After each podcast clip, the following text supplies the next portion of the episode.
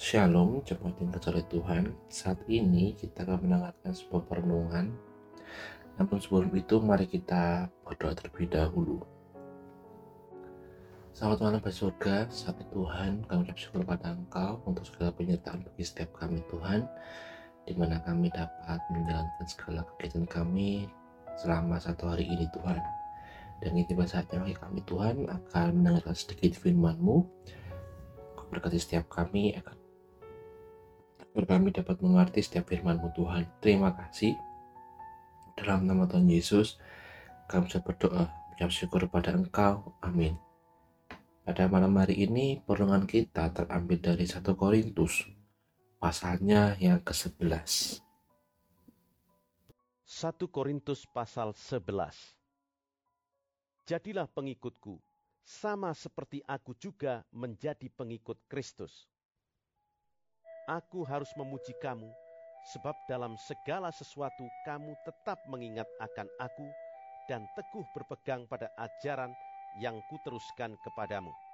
Tetapi aku mau supaya kamu mengetahui hal ini, yaitu kepala dari tiap-tiap laki-laki ialah Kristus, kepala dari perempuan ialah laki-laki, dan kepala dari Kristus ialah Allah tiap-tiap laki-laki yang berdoa atau bernubuat dengan kepala yang bertudung menghina kepalanya.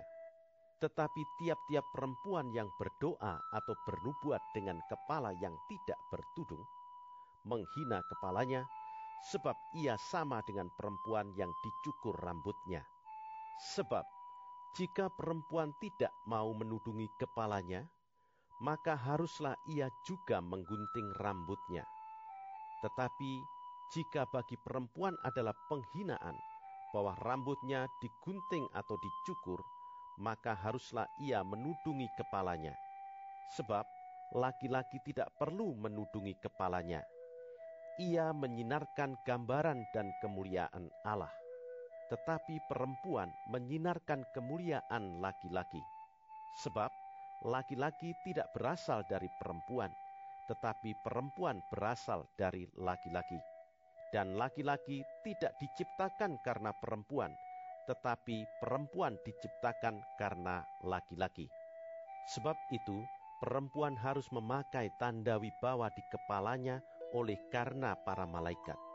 Namun demikian, dalam Tuhan tidak ada perempuan tanpa laki-laki, dan tidak ada laki-laki tanpa perempuan Sebab sama seperti perempuan berasal dari laki-laki, demikian pula laki-laki dilahirkan oleh perempuan, dan segala sesuatu berasal dari Allah. Pertimbangkanlah sendiri, patutkah perempuan berdoa kepada Allah dengan kepala yang tidak bertudung? Bukankah alam sendiri menyatakan kepadamu bahwa adalah kehinaan bagi laki-laki jika ia berambut panjang? Tetapi bahwa adalah kehormatan bagi perempuan jika ia berambut panjang, sebab rambut diberikan kepada perempuan untuk menjadi penudung. Tetapi jika ada orang yang mau membantah, kami maupun jemaat-jemaat Allah tidak mempunyai kebiasaan yang demikian. Dalam peraturan-peraturan yang berikut, aku tidak dapat memuji kamu, sebab pertemuan-pertemuanmu tidak mendatangkan kebaikan, tetapi mendatangkan keburukan. Sebab pertama-tama aku mendengar bahwa apabila kamu berkumpul sebagai jemaat, ada perpecahan di antara kamu, dan hal itu sedikit banyak aku percaya. Sebab di antara kamu harus ada perpecahan, supaya nyata nanti siapakah di antara kamu yang tahan uji. Apabila kamu berkumpul, kamu bukanlah berkumpul untuk makan perjamuan Tuhan. Sebab pada perjamuan itu tiap-tiap orang memakan dahulu makanannya sendiri, sehingga yang seorang lapar dan yang lain mabuk. Apakah kamu tidak mempunyai rumah sendiri untuk makan dan minum? Atau maukah kamu menghinakan jemaat Allah dan memalukan orang-orang yang tidak mempunyai apa-apa? Apakah yang kukatakan kepada kamu? Memuji kamu? Dalam hal ini aku tidak memuji, sebab apa yang telah kuteruskan kepadamu telah aku terima dari Tuhan, yaitu bahwa Tuhan Yesus pada malam waktu ia diserahkan, mengambil roti, dan sesudah itu ia mengucap syukur atasnya. Ia memecah-mecahkannya dan berkata, Inilah tubuhku yang diserahkan bagi kamu. Perbuatlah ini menjadi peringatan akan aku. Demikian juga ia mengambil cawan sesudah makan, lalu berkata, Cawan ini adalah perjanjian baru yang dimeteraikan oleh darahku. Perbuatlah ini setiap kali kamu meminumnya menjadi peringatan akan aku. Sebab setiap kali kamu makan roti ini dan minum cawan ini, kamu memberitakan kematian Tuhan sampai ia datang.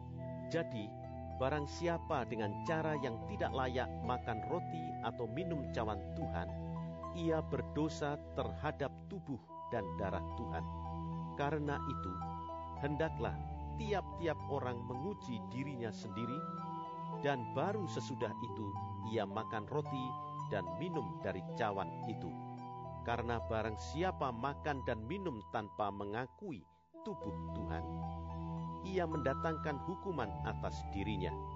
Sebab itu, banyak di antara kamu yang lemah dan sakit, dan tidak sedikit yang meninggal. Kalau kita menguji diri kita sendiri, hukuman tidak menimpa kita. Tetapi kalau kita menerima hukuman dari Tuhan, kita dididik supaya kita tidak akan dihukum bersama-sama dengan dunia.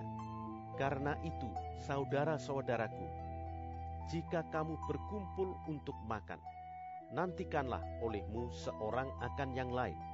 Kalau ada orang yang lapar, baiklah ia makan dahulu di rumahnya, supaya jangan kamu berkumpul untuk dihukum.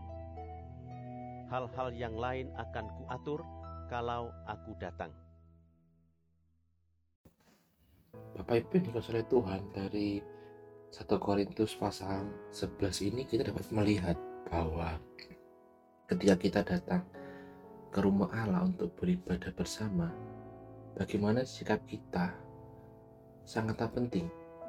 Dalam hal ini, Paulus menganjurkan kesopanan yang tepat dalam penyembahan umum sesuai dengan tatanan yang diciptakan oleh Allah. Ketika kita memasuki rumah Allah untuk beribadah, bagaimana sikap kita bertindak dengan cara yaitu menghormati akan kemuliaan serta kehendak Allah. Tidak hanya sampai di, di situ saja Bapak Ibu dikasih oleh Tuhan.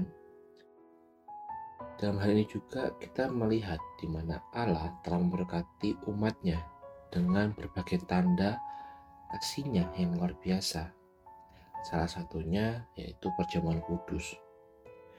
Dalam hal ini orang-orang Kristen merayakan persatuan yang mereka miliki dengan Kristus dan satu dengan yang lain di dalam Kristus. Ini merupakan waktu yang tepat untuk menguji diri sendiri dan oleh karena itu merupakan waktu yang serius.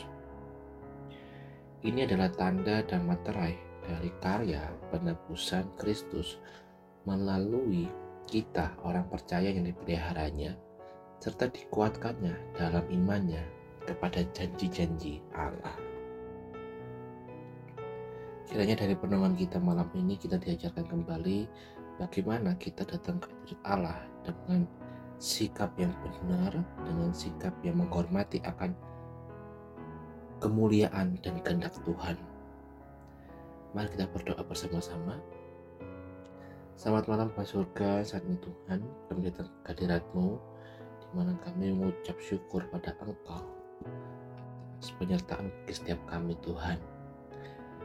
Tidak hanya itu saja Tuhan, kami juga telah mendengarkan sedikit firman-Mu, di mana kami diajarkan serta diingatkan kembali bagaimana kami harus memiliki sikap yang benar ketika kami datang ke hadirat-Mu Tuhan mana kami juga diajarkan kembali untuk menghormati kemuliaan dan kehendak-Mu Tuhan. Terima kasih Tuhan, dan kini pasanya bagi kami yang kami bersirahat. Kiranya Engkau yang jaga istirahat malam kami ini, agar esok kami dapat bangun dengan tubuh dan semangat yang baru Tuhan. Terima kasih Tuhan. Di dalam nama Tuhan Yesus, kami berdoa. mengucap syukur pada Engkau. Amin. Selamat malam, selamat beristirahat. Tuhan Yesus memberkati.